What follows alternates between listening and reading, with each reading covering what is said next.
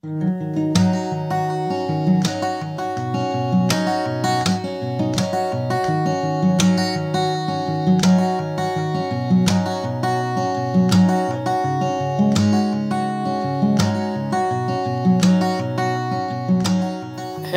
och mycket varmt välkomna till Flaggpoddens 17 avsnitt. Eh, eventuellt med eh, lite lätt missnöjd eh, Moa i bakgrunden.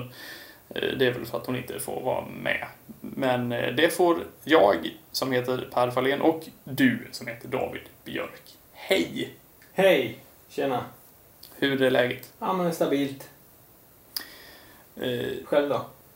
Jo, men det, det är bra. Det har ju varit påsk. Ja, Eh, stämmer bra. Jag, bra. jag fick ett ryck och städade i lägenheten när det var eh, lite så halvdant väder. Man eh, äter vörtebröd och dricker must och det är snö. Det låter som att det skulle kunna vara jul. Mhm. Men den skillnaden att nu är det som sagt då snö, vilket ju inte är på jul ofta nu för tiden. Ja, lite sådär, vi tangerar klimatförändringarna lite grann här i det här avsnittet. Mm. Mm. Kommer att göra lite mer sen, kan jag säga. Vi kommer göra det. Ja, Då, då låter det mest som att du kommer att göra det. ja okej. Ja, Så, så spännande. Ja, en cliffhanger direkt. Ja, Mm. det var intressant. Mm. En annan sak som är lite intressant. eh, Nu, eh, du ärade lyssnare har ju fått höra ett litet gitarrstycke klinga av här i, i bakgrunden. Och det är ju då, som, som du säkert har listat ut i det här laget, vår signaturmelodi. Men David, vad är det för någon melodi egentligen? Jag har funderat på, ska vi inte prata lite om den någon gång? Och varför inte göra det nu? Ja, det kan vi göra. Det är min gode vän eh, Kevin som spelar. Eh, Kevin eh, är... Och det är han som har skrivit det också. Eller skrivit, ja. Han har latchat fram det där lilla plocket helt enkelt. Mm.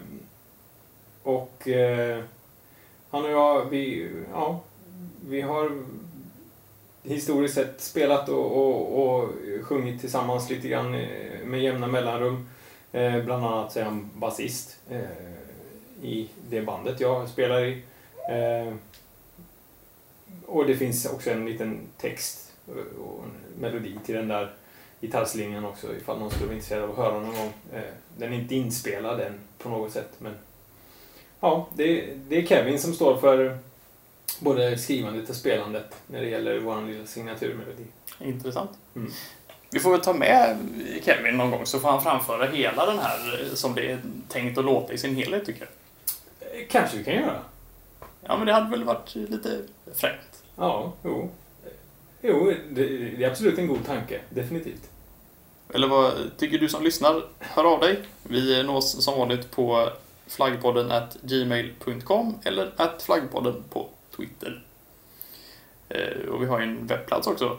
flaggpodden.wordpress.com Där eh, du nog, nu när du lyssnar på detta, eftersom jag tänkte lägga ut det nu under kvällen när vi spelar in, Ja, en länk till den intervju som eh, vi var i allra högsta grad en del av ja. på flaggbloggen. Den är ju ute nu och du som inte redan har läst den kan ju gå in och, och läsa där vi svarar på diverse frågor om varför vi gör det här eh, nördiga tramset som du uttryckte det så fint på, på Twitter någon gång vid årsskiftet vill jag minnas. ja. Det är väl det det är. Ja, Ja, det är väldigt roligt och väldigt nördigt och ganska tramsigt emellanåt. ja men det, det, är, alltså, det är ett livselixir att få tramsa. Ja, men det- nörda. Ja, men absolut. Ja. Det, det här är ju något man ser fram emot. Alltså, det, när du går, vi är ju oftast hemma hos mig och spelar in. Eh, 100% av gångerna hittills, förutom en. Förutom en, ja. Ja. Det- Precis. Eh, Och det är ju varje gång när du går härifrån så tycker man att kan du inte komma tillbaka snart? Vi kan göra nästa avsnitt. Ja, Det är lite som Pippi Långstrump sådär att eh, det, är det är ju, du, du måste gå härifrån för annars kan du inte komma tillbaka och det vore Ja. tråkigt. ja lite så. Nej men så det är verkligen, eh, jag hoppas att du som lyssnar tycker det är kul att eh, lyssna på eh, vårt tramseri och vi tycker det är kul att tramsa i alla fall. Så att det, det, är alltid lika roligt. Eh, Men ja, läs intervjun med oss som sagt. Och eh, vem vet, vi, vi har ju ställt frågan till Micke ifall han skulle vilja vara med här i podden någon gång. Det sa han att ja, det vill jag. Mm. Så vi får väl komma på något bra vi vill fråga honom. Ja, Vi, du har inget sådär på rak arm. inte spontant så här nu, nej. Det, Jag är ju lite intresserad av varför, han undrar varför vi har en podd. Varför har han en blogg? ja, det är en bra fråga till exempel. Mm. Och alla de frågor han ställde till oss kan ju vi också ställa till honom. Just det. Ja. Om han skulle beskriva sig själv med en nationsflagga, eller jag, jag vet inte. Hur som, det, på, på något sätt så eh, kanske ni får eh, höra eh, Mickes röst. Och om du lyssnar så eh, då får du kanske höra dig själv då om du vill. Ja, jag vet inte.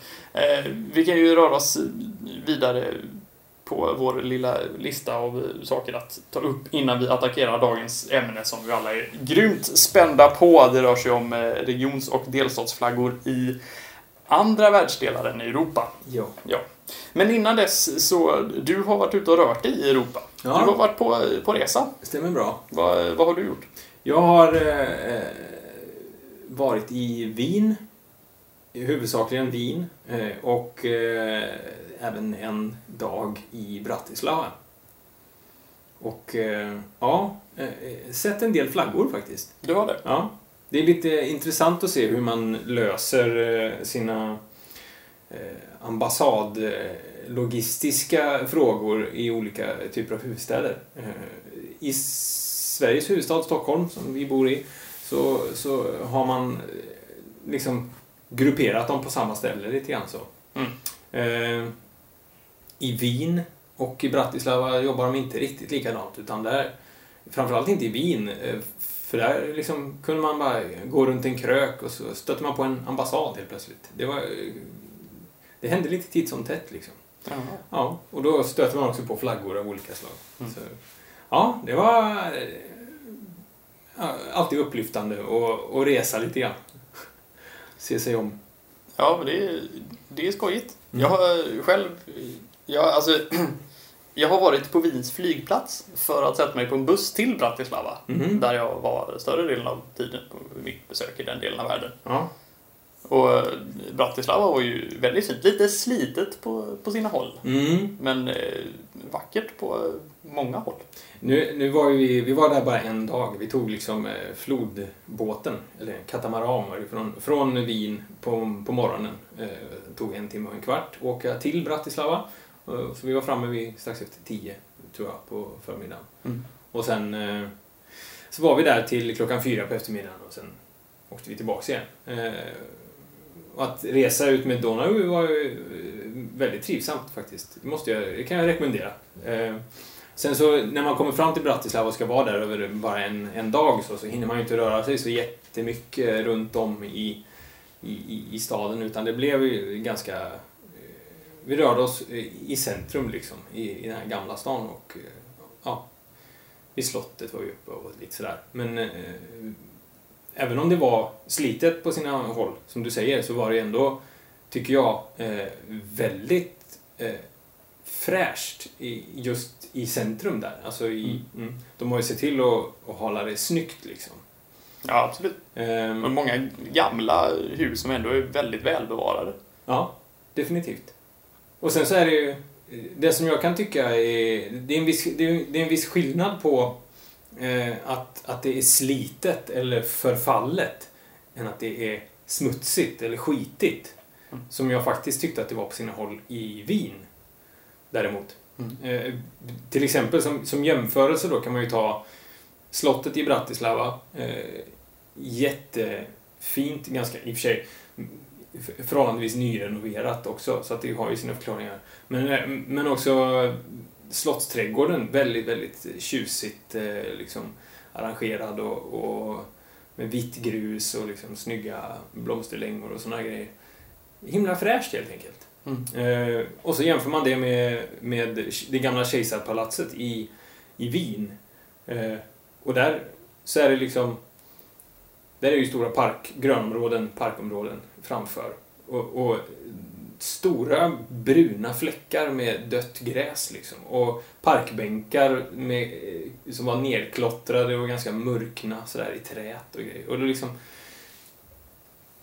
Ja, skitigt helt enkelt. Mm. Ovårdat. Och det är ändå en annan sak än om det är förfallet och slitet som det var på sina håll i Bratislava. För slitet och förfallet kan ha lite charm tycker jag.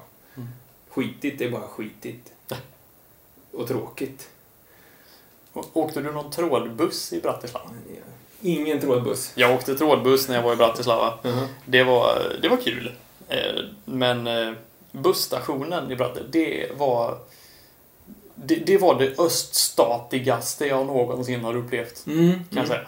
Man, man, det kan man ju också säga att man, när man står uppe vid Bratislava slott och tittar ut, då har man ju utsikt över hela stan. Mm. Då ser man ju, till exempel på andra sidan Donau, Eh, så ser man de här eh, öststatskomplexen med bostadshus som liksom är tre kilometer långa och, och, och gråa, tradiga betongklumpar liksom.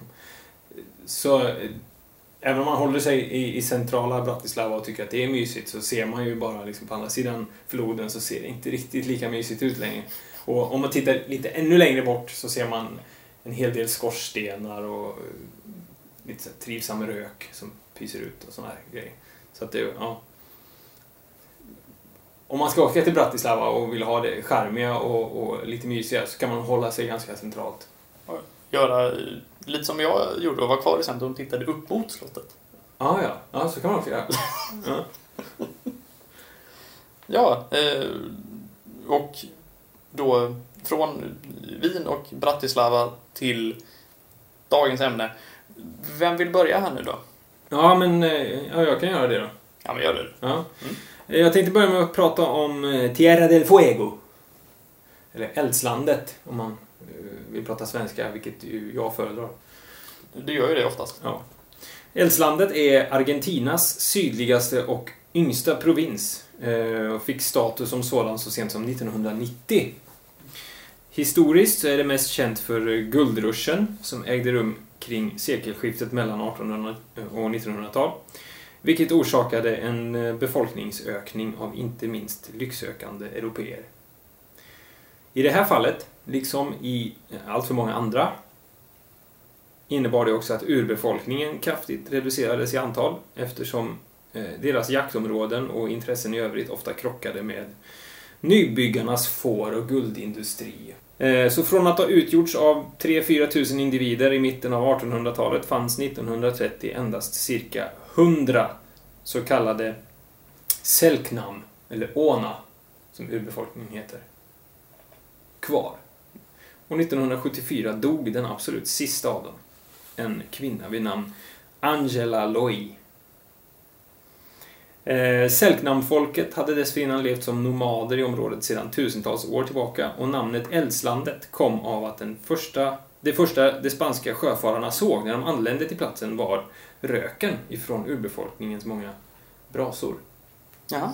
Mm. Det har jag faktiskt funderat på. Varför heter Ja. det så? Mm. Eftersom det är ju väldigt, väldigt, väldigt, väldigt, väldigt långt söderut. Ja. Och borde ju vara ganska kallt. ja, så därför tänder man brasor. Ja, jo, det är ju logiskt. Ja. Men eld och kallt? Nej. Nej. Men eld när det är kallt? Mm. Ja. Flaggan då, hur som helst. Ja! Ja. Jättespänd på det här. Ja, togs fram efter en tävling eh, 1999. Har ni hört den förut? Ja. Ja, det har ni.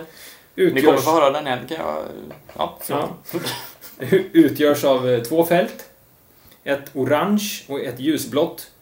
Med det södra korset avbildat längst ut på flyen, så att säga. Eh, De båda fälten är diagonalt avdelade av en stiliserad vit albatross som har ena vingspetsen längst upp till vänster på flaggan och den andra längst ner till höger. Eh, Flaggan representerar provinsen i sig, men också det område av Antarktis som Argentina gör anspråk på, samt Falklandsöarna, Sydgeorgien och Sydsandwichöarna, som ju officiellt tillhör Storbritannien. Mm. Mm. Eh, Men eh, ja, eh, Argentina hävdar ju att det är deras områden också, så att då, den här flaggan representerar även dem. Så. Det är väldigt fascinerande det här med just Sydgeorgien och Sydsandwichöarna, att det är liksom att det ens orkas bråka om det. Det bor typ 30 pers där eller någonting. Så många? Ja. Det är ju typ tre klippor Mm. Mm. ute i ishavet. Liksom. ja. Jag vet inte vad de ska ha skiten till, rent ut sagt. Nej, Nej. det... Nej. Nej. Vad ska ni ha det till? Ja. Skriv och berätta. Mm. Ja, ja. I alla fall, flaggan designades av en arkitekt vid namn Teresa Beatriz Martinez. Eh, Och kallas kort och gott för albatrossen. Som lever lokalt i området och är en symbol för frihet. Det finns också ett stadsvapen för Eldslandet, eh, som även det utgörs av en stiliserad blå albatross som eh, botten. Den omgör en sköld bestående av fyra kejsarpingviner mot en bakgrund där solen går ner bakom bergen precis invid havet. Skölden kantas också av röda eldflammor, så kallad aurora. Eldslandet är värt ett särskilt omnämnande eftersom det också brukar kallas för världens ände. Huvudön är delad mellan Argentina och Chile och den chilenska provinsen Magallanes y la Antártica Chilena Region innefattar också världens sydligaste punkt. Antarktis borträknat då, givetvis. Ja, det... Ja. Eh, detta är då inte Kap Horn som vi pratar om, eh, som många kanske tror, utan Diego Ramirez-öarna som ligger en bit längre söderut. Däremot så brukar Kap Horn traditionellt betraktas som porten mellan Stilla havet och Atlanten. Så för den som inte eh, reagerar nämnvärt på just Eldslandet, var det ligger, så har vi förklarat lite närmare vart man hittar detta. En av anledningarna, hur som helst, till att jag valde Eldslandet, Mm. eh, och nu, nu vi kommit tillbaka till det här med klimatförändringar, eh, är att slutscenen i filmen The Revenant är inspelad där. Eh, och varför är det något att bry sig om då, undrar väl de flesta. Eh, men då kan jag upplysa om att det var inte alls planen att det skulle spelas in där. Utan den scenen skulle egentligen ha spelats in i Kanada, precis som eh, stora delar av resten av filmen. Eh, men det var helt enkelt så varmt där att man inte kunde hitta en lämplig inspelningsplats som fortfarande hade snö. Och därför omlo- omlokaliserades hela projektet till Eldslandet. Där, och nu blir det spoiler, Leonardo DiCaprio till slut rättmätigt fick ta koll på Tom Hardy. Ja. Mm. Nu kan ni komma tillbaka, ni som inte ville höra. Ja. Ja. Så att, eh, ja. Så ser det ut. Då får vi väl nästan se hur länge till det kommer att vara tillräckligt kallt där då. Ja. Verkligen. Om man ska vara sån. Mm. Precis. Eh, flaggan då, eh, det blir inte så mycket om just själva flaggan här. Eh, och det, det, det var... Det beror på att det, det står inte så jättemycket om provinsflaggor överhuvudtaget. Någonstans har jag...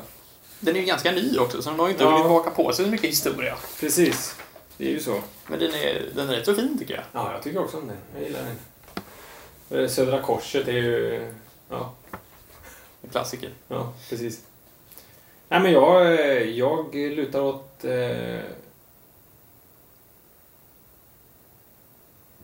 åtta Mm. av tolv. Jag tänkte faktiskt åtta. Mm. Jag stod och vacklade mellan sju och åtta, men det... Jag avrundade uppåt. Mm. Då, då, då avrundar jag, bara för, jag, jag kan inte hålla med hela tiden, så jag avrundar ner och säger sju. Okej. Men jag gillar den. Mm. Ja, jag med. Jag gillar... Eh, jag gillar framförallt eh, den udda färgkombinationen. Mm. Mm. Absolut. Och så fräckt med... Även om... Ja, vi har varit inne på det tidigare med stiliserad, eh, stilisera saker överhuvudtaget. Att jag kanske inte är så här överdrivet förtjust i det egentligen. Men... Eh, här blir det på något sätt... Det, det som är jobbigt med att det blir stiliserat tycker jag att ibland så går man miste om vad det är för någonting man tittar på egentligen. Mm. Eh, Men här... Det skulle kunna vara en, vara en jäkligt krokig linje då. Ja, men här, här känns det som att här tittar jag på den och säger ja, ah, det där måste vara en albatross. Mm. Och så hade jag rätt också. Så att då, Ja. ja. Mycket bättre. Ja, Då är det en bra stilisering. ja, verkligen. Mm. Ja, men då så. Mm. Eh, då tänkte jag kroka i med eh, ett annat område som finns på samma kontinent om man vill vara eh, generös. Ja. Fast till andra änden, Mm. nämligen Alaska. Ja, just det. USAs till ytan största och befolkningsmässigt tredje minsta delstat. Alaska köptes av Ryssland 30 mars 1867 eh, och ja, den är ju då i det nordvästra hörnet av Nordamerika för er som eh, till, Mm. till händelsevis inte kände till detta. Eh, det köptes för 7,2 miljoner dollar eller 4,74 dollar per kvadratkilometer. Det motsvarar ungefär 126 miljoner dollar i dagens penningvärde. Och- Eller ett kvadratmeterpris som är, här har jag skrivit upp, 0,000000007 procent av vad snittpriset är per kvadratmeter för en lägenhet i centrala Stockholm. Det är inte värt skitmycket med andra ord. Nej. Nej. Men här får Jag har man, sagt skit väldigt mycket i den här podden hittills. Ja. Eh, Just det här avsnittet. Ja, Ja. förlåt. Fortsätt. men här får man i alla fall en jäkla massa kvadratmeter för Ja. pengarna. Ja. Eh, Eftersom Alaska är typ 1,7 miljoner kvadratkilometer stort. Mm. Stort som, ja det är väl Iran ungefär till ytan. Är det så? Ja, det är väl något sånt. Ja. Ja, jag vet inte, det, det är stort i alla fall. Ja. Eh, men i alla fall, eh, från början så var ju då Alaska inte en delstat som eh, vän av ordning kan räkna ut. Eh, eller i alla fall den som vet hur gammal Alaska är som delstat. Efter ett antal administrativa förändringar efter köpet så blev Alaska räknat som territorium, alltså ett område på samma nivå som idag Guam, Puerto Rico och Amerikanska Jungfruöarna är. Det blev det 1912 och det blev USAs 49 delstat 3 januari 1959. Mhm. Eh, Befolkningen då? Den är väldigt samlad får man väl ändå säga. Eh, Ungefär hälften av Alaskas invånare bor i den största staden, Anchorage, som... eh, Ja, man kan ju tycka att Alaska ligger väldigt långt norrut. Anchorage ligger i höjd med mellersta Hälsingland ungefär. Inte så fruktansvärt långt norrut andra ord. Eh, nej, i, längs den södra kusten av Alaska. Ja. Eh, det som är lite intressant är att eh, huvudstaden Juneau är tredje största stad efter Fairbanks. De är ungefär lika stora. Och i de städerna så borde, eh, var det ungefär en tiondel så många som Anchorage. Okej. Hur många bodde det i Anchorage sa du? Eh, lite drygt 300 000. Ja. Vilket är typ 40-45 procent av Alaskas befolkning totalt. Mm.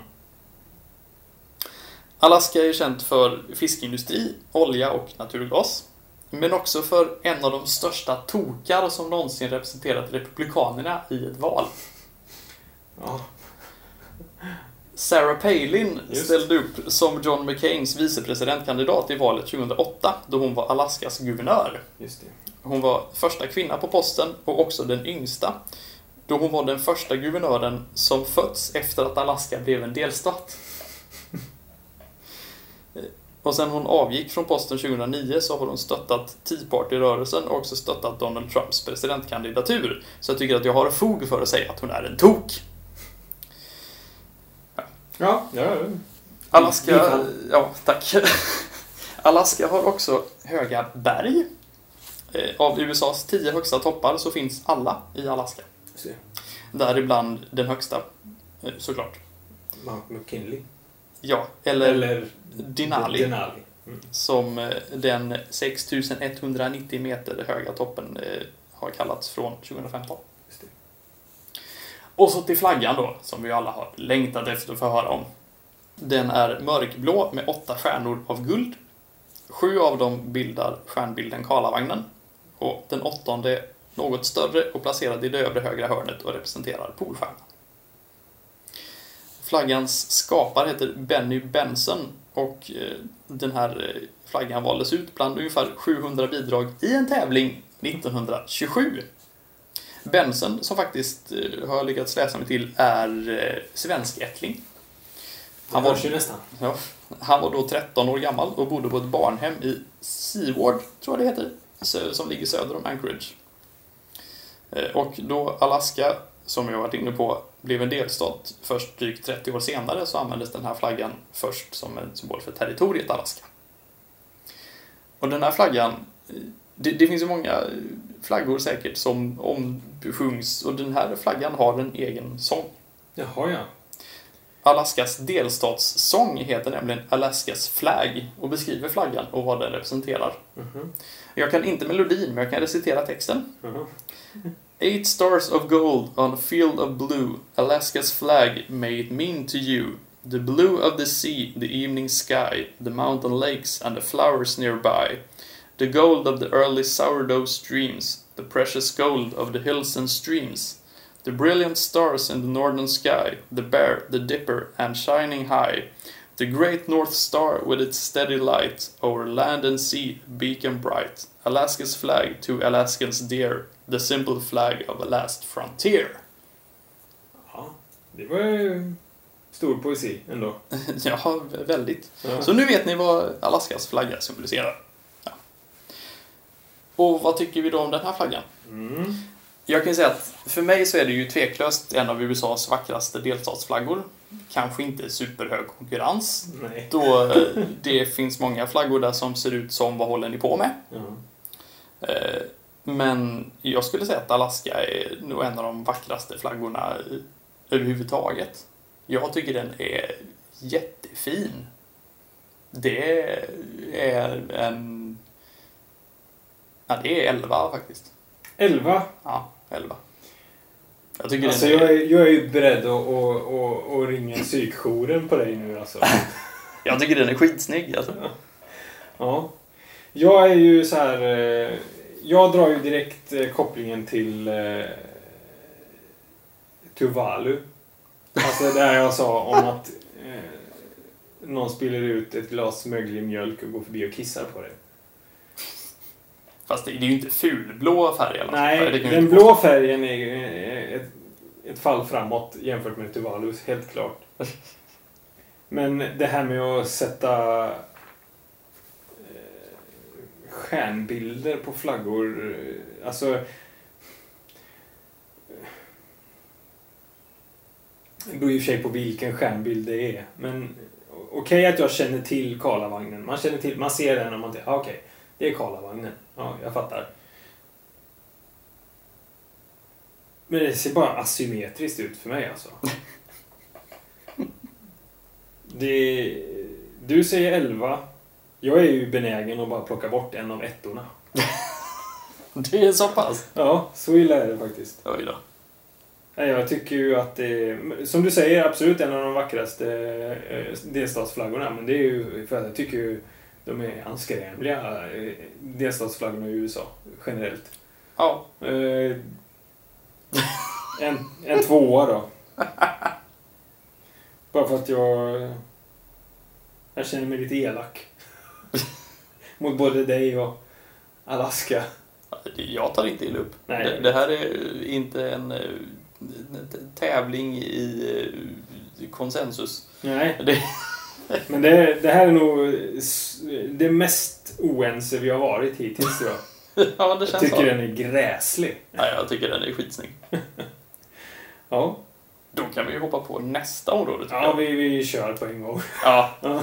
Då är det ju så här att eh, med anledning av eh, vår norske lyssnare Simen Simen. som hade ett eh, önskemål om att vi skulle ta upp ryska federationssubjekt. Mm. Så- Mycket fin flagg. Mycket fina flagg.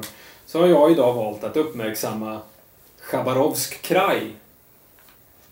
Eftersom vi båda eh, lärde känna varandra tack vare vårt ömsesidiga intresse eh, av sporten bandy. Så kändes det som en ytterst lämplig utgångspunkt. Eh, då det är huvudorten Chabarovsk som står värd för 2018 års VM. Ja, så är det det. Ja, precis som de gjorde 2015 och Ja. 1981 när Sverige vann sitt första VM-guld.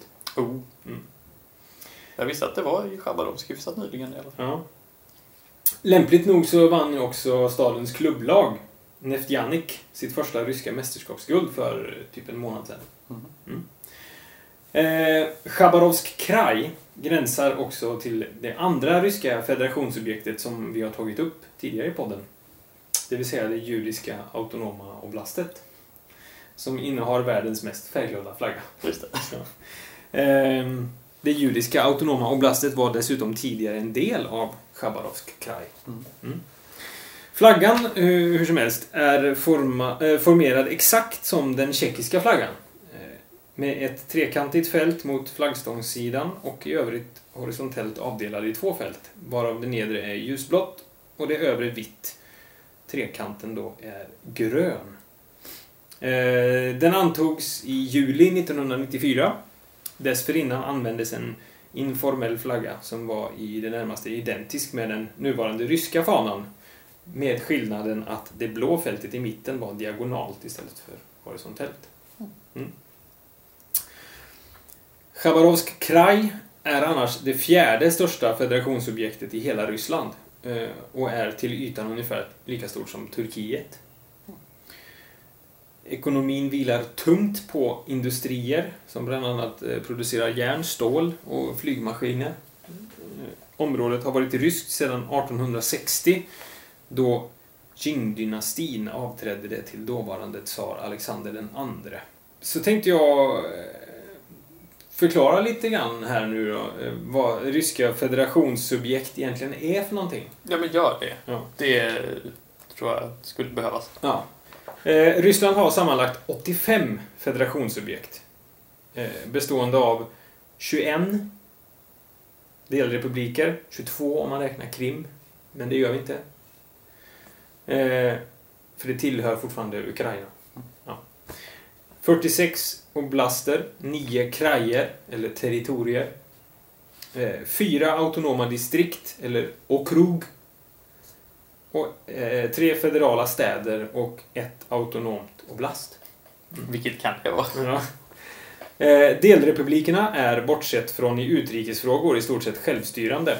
Eh, åtminstone på papper då. Eh, vet ju hur det fungerar med styrning i det där landet. Eh, Eh, med en egen eh, konstitution, ett eget parlament och en egen president. Eh, och inte sällan så utgörs de till stor del av en specifik etnisk folkgrupp.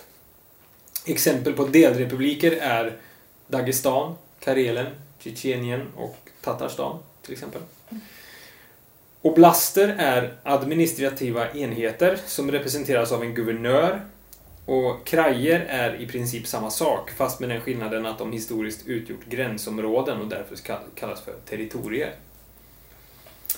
Ett okrug har större autonomi än ett oblast fast mindre än en delrepublik. Och de federala städerna, vilka för övrigt är Moskva, Sankt Petersburg och sedan den 21 mars eh, 2014 även Sevastopol, fungerar i praktiken som separata regioner. Eh, Så där har vi premisserna för eh, vad som eh, är ett tänkbart framtida tema. Mm. Mm. Om Simen får som han vill. Just. Ja. Så det är bara att hålla till godo. Simen och alla andra. Men det, det är så eh, det funkar i, i den ryska federationen. Varför göra det enkelt för sig? Ja, precis. Nej, men det är ju, det är, väl- det är ju liksom... Ja, som jag sa att eh, så här, Chabarovsk kraj är, är lika stort som Turkiet, men det utgör ju fortfarande typ en... ja, Jag vet inte. Ska vi höfta lite och säga att det är en tjugondel av hela Ry- Ryssland? Så får man ju någon form av uppfattning om hur stort Ryssland är. Det är jätte, jättestort. Ja, och det är jätte, jättesvårt att eh, hålla ihop eh, så mycket yta och så många människor när de bor så långt ifrån varandra. Så därför delar man upp det. Ja. Det är lite som Ja, romarna gjorde ju på samma sätt. De hade ju guvernörer utplacerade lite överallt. Sen så gick ju det åt fanders ändå så. Men, men eh, ja. Ja. Så jobbar man i alla fall. Mhm. Mm. Och ett omdöme om Ja, flaggan ja. Precis. Det var återigen eh, svårt att hitta lite info om den här. Den är ju inte så gammal den heller. Något äldre än, eh, än eh, Tierra del Fuego. Men inte så gammal. Jag, jag tycker väl att den är ganska mm, mellanmjölk. Mm. Typ sex. Mm. Fem. Ja, jag avrundar neråt den här gången känner jag nu. Fem. Ja, jag tycker vi kan fortsätta ännu längre ner. Tre, fyra någonting. Okej. Ja, den är inte supervacker. Nej. Och sen så det här, det är ett grönt fält precis bredvid ett blått. Ja, nej, det funkar Ljusblått dessutom. Det, Ja.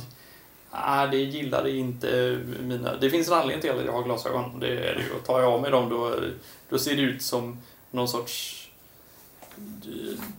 Ja, med lite vitt. Ja. ja, nej, det... Ja, säga fyra. Jag är lite generös. ja Okej. Det är där vi landar, ungefär. Mm. Och så hoppar vi då på eh, nästa område. Ja.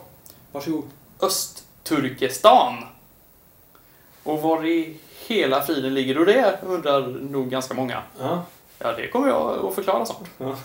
Men jag tänker faktiskt först ber- berätta lite om flaggan. Därför att den flaggan såg jag eh, för första gången på en, en bild. Och jag vill minnas att det nog var Malin som frågade vad är det där för flagga? Och jag, jag har inte den blekaste. Och det är inte ofta. Nej. Men där var det, jag har ingen aning vad det här är för flagga.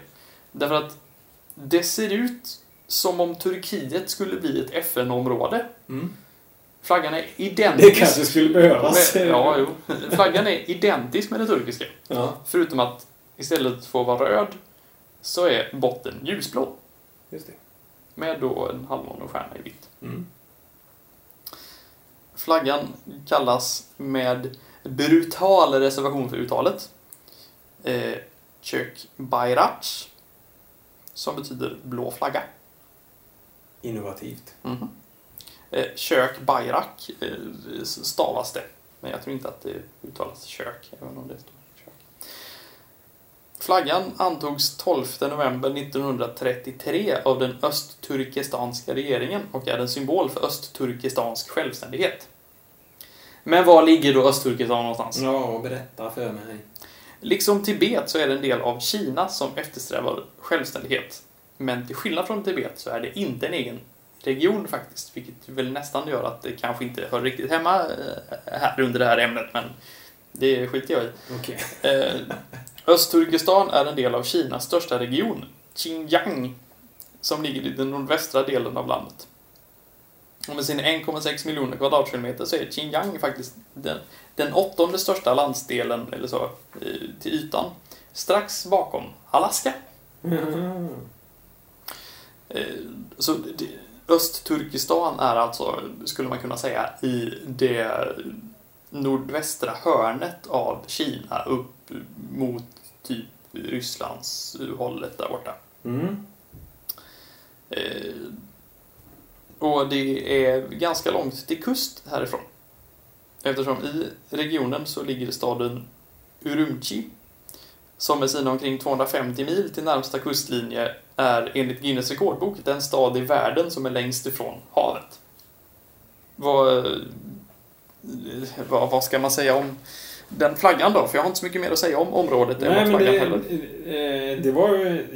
Jag hade faktiskt inte kollat upp eh, vart Östturkestan låg och det var lite smått eh, chockartad information nästan. Jaha, Kina. Det var oväntat. Mm. Men det, när man tittar på en karta så här så inser man ju att det inte är långt till exempelvis Turkmenistan. Nej, det är ju i ett turkfolktätt område kan Mm. man säga. Precis. Och det är eh, Uzbekistan och, och, och Kazakstan och Kirgizistan och Tadzjikistan och alla de där. Alla de där stan. Alla de där i stan. Ja, eh, men jag tycker ju... eh, Du, jag vet ju att jag vid något tidigare tillfälle eh, uttryckte en viss vurm för Somalias flagga. Mm. Mm. Ja, det är någonting med ljusblått på flaggor som jag gillar alltså. Jag tycker att det här är riktigt eh, tjusigt. Jag, jag tyckte att den var väl meh. Nej. Nu är vi oense här igen. Nu är Alltså. vi oense igen nu. Vad, vad vill du Vart ska det här sluta någonstans? eh, nej, men jag är uppe på nio, typ. Oj då. Mm. Ja, nej, fem hade jag. Vilken underbar sillsalat det blev här idag. ja, Ja.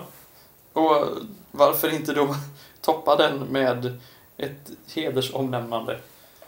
Ja, varsågod. Nämligen, eh, vad heter den? Cochimbo-regionen, kan det vara det? I Ja. Chile. Ja. Som var en flagga som antogs 2013 och som ser ut som själva fan. Det ser ut som en eh, OS-logga. Alltså logga från något olympiskt spel, typ. Ja, det, Ja. det ser ut som ett moderniserat lapptäcke ungefär. Med en upp och nervänd eh, Södra Korset så som den ser ut på Australiens eh, Ja. flagga exempelvis. Ja. Och någon sorts gröna och någon stjärna som man inte riktigt vet var den ska ta vägen och kommer in från hörnet. Och någon sorts, jag vet inte, apelsinklyfta som eh, dyker ner här. Jag tror att det ska vara en sol, va? Ja, det, det skulle det kunna vara. Det ser ut... Nej, jag, jag tror det är en apelsinklyfta. Ja. Och lite vatten och... Mm. Den var inte... Cochimbo-regionen som sagt. Ja. Den är nästan på nivå med... eh, Vad heter den? Sveki. Sveki. Ja. Som är... ja. Ja, eh, och därifrån raskt över till utmaningen. Utmaningen, ja. Nu ska jag tända lampan här. Eller, återigen. vänta, vi ska, ju, vi ska ju faktiskt inte... Vi ska ju Vi ska för ordningens skull dra ett ämne först. Just det. Ja, det kanske är min tur att dra. Det var det, va? Jag drog väl, eh, Religions, ja. som vi nu har ägnat hela två avsnitt åt. Jag drar... Den här lappen vill jag ha. Mm. Och vad står det på den då? På den står det Nationsflaggor tagna ur bruk. Spännande. Det var ju lite intressant. Utrotade flaggor, alltså. Ja, Mm. Eller? ja. Det, det var den som vi la till. Ja, precis. Som jag tänkte att vi kanske har något liknande i här. Ja. Har, har vi använt oss av den här då redan? Nej. Nej. Inte. Nationsflaggor tagna ur bruk, alltså. Nationsflaggor med mur. Ja. Ja. Då så, nu utmaningsdags! Ja, just det. Eh, vad var det du ville att jag skulle göra nu igen? Ja, vad var det jag ville? Nu var det så länge sedan senast. Så jo, jag vill bestämt minnas att jag ville att du skulle leta rätt på en eh, nationsflagga du tyckte borde bytas ut. Och vad den skulle bytas ut mot. Just det, jag Det vill säga, Ta fram egen. eh, dina designkunskaper. Ja. Jag be- ber, ber att få göra, reservera mig direkt för att, eh, precis som förra gången jag designade en flagga, så jag så här med liksom, dataprogram och såna här grejer och använda mig av det för att... eh, Jag jobbar inte så. Jag gör som jag gjorde när jag var liten. Det vill säga, jag ritar. Och det ser, det. det ser eh, eh, kladdigt ut. Kl- Kladd och kludd liksom. Okej. Ja, men jag tror du kommer fatta eh, premisserna. Liksom. Och du får gärna eh, göra en snygg version sen på, på datorn som du kan så jä- jättebra. Som du brukar göra. I- Ingen press. Ingen press, nej.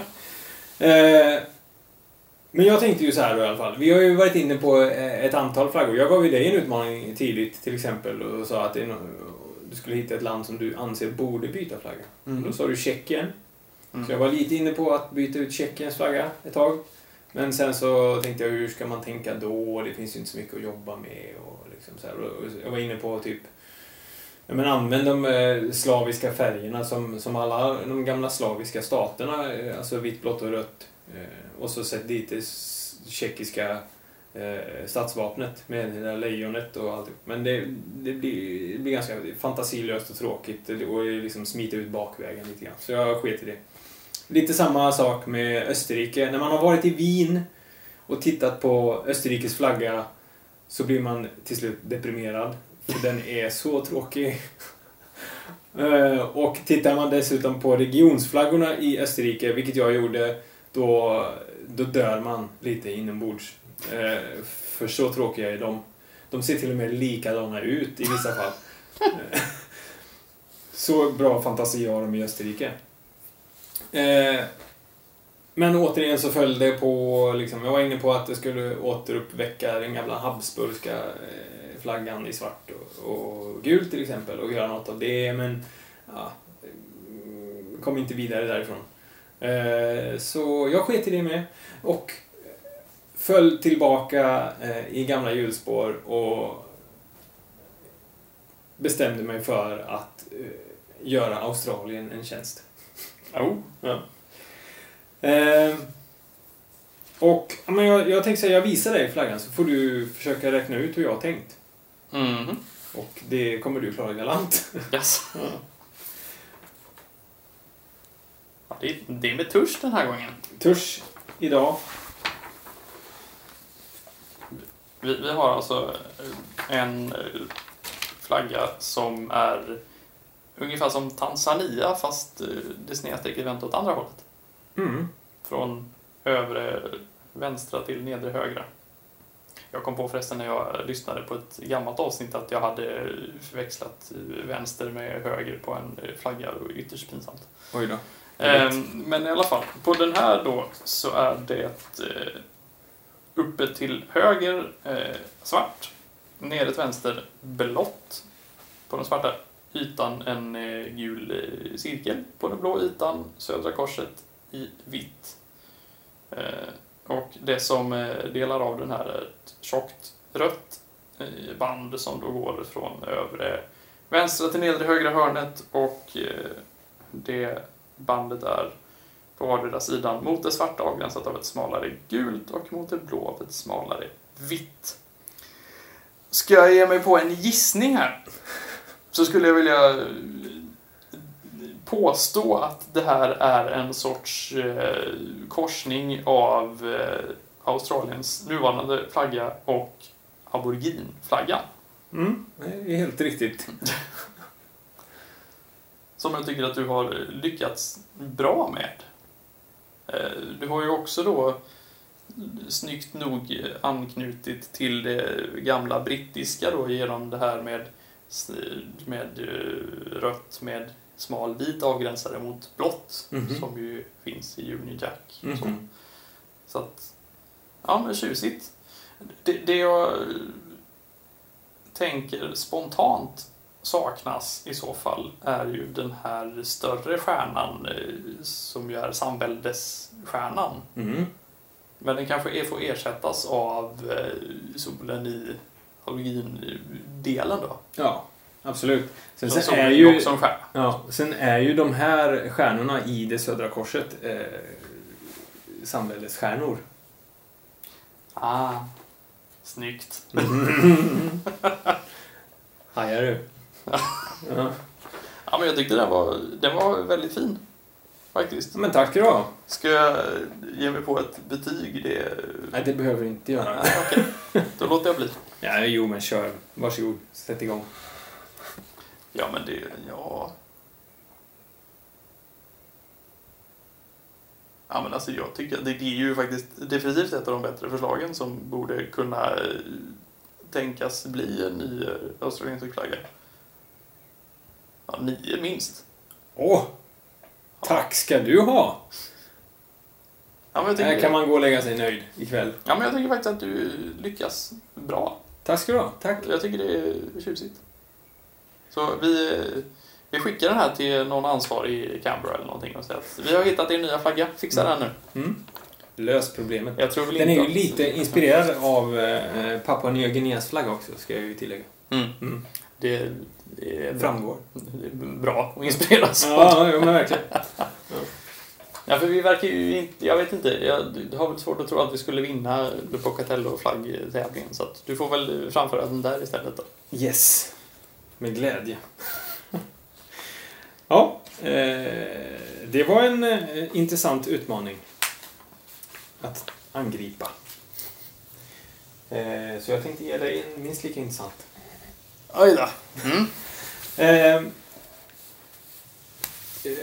Det är, ju ett, det är ju ett visst projekt att försöka sig på att designa en egen flagga. Eh, Så det tänkte jag att du skulle få göra igen. Eh, Men du ska inte designa en flagga åt eh, ett land som redan har en flagga. Eh, Utan jag vill att du designar en flagga för ett område som saknar flagga. Mhm. Mm. Men som du tycker borde ha det. Om vi tänker, vi kan tänka, Skåne till exempel har ju en flagga. Småland har det inte. Det finns väl en inofficiell småländsk Är det så? vill jag minnas. Den är grön och röd. Ja, det är sant. Förlåt. Jag, eh, dumt. Eh, radera det där. Vi tar om. vi tar om, ja. Precis. Eh, nej men... Eh, Härjedalen har de en flagga. De har ju i och för sig jamska flaggan. Det går inte så bra det här nu känner jag. Men eh, Gotland kanske inte har någon flagga. De, de har säkert någon inofficiell korsvariant också. Det verkar ju varenda landskap samla på sig. Ja, jo, visst, absolut. Mm. Ja, men jag... Hit, ja, men det... Ja. Ja. Du kanske kan hitta på en flagga till Morokulien? Ja, precis. Mm. Okej, så något område som... Eller Dalsland. Du behöver inte leta i Sverige heller för den delen. Du kan leta precis överallt Ja, jag får det. i hela världen. Men det får inte finnas någon flagga där redan va? Nej. Okej. Vad gör vi om det gör det? Nej, men det, ja, Mm. det ska bli väldigt intressant. Jag, jag tänker mig att eh, många svenska landskap har väl... Vapen. Ja, och är det, är det inte så att man kan hävda att en flagga för ett landskap är en kvadrerad eh, med vapenskölden? Det nu, finns säkert regler för det där som säger exakt det du sa nu. nu, nu har ju många landskap andra flaggor, mer eller mindre officiellt. Oftast mindre. Eh, Men nå- någonting ska jag nog försöka komma på. Så jag, det, det jag är ute och far efter här är ju att om jag skulle göra en flagga för ett svenskt landskap så eh, känns det ju dumt att hänga den för att det redan då finns en vapensköld. Så, Mm. det är det jag far efter. Mm. Men vi, vi struntar i de reglerna.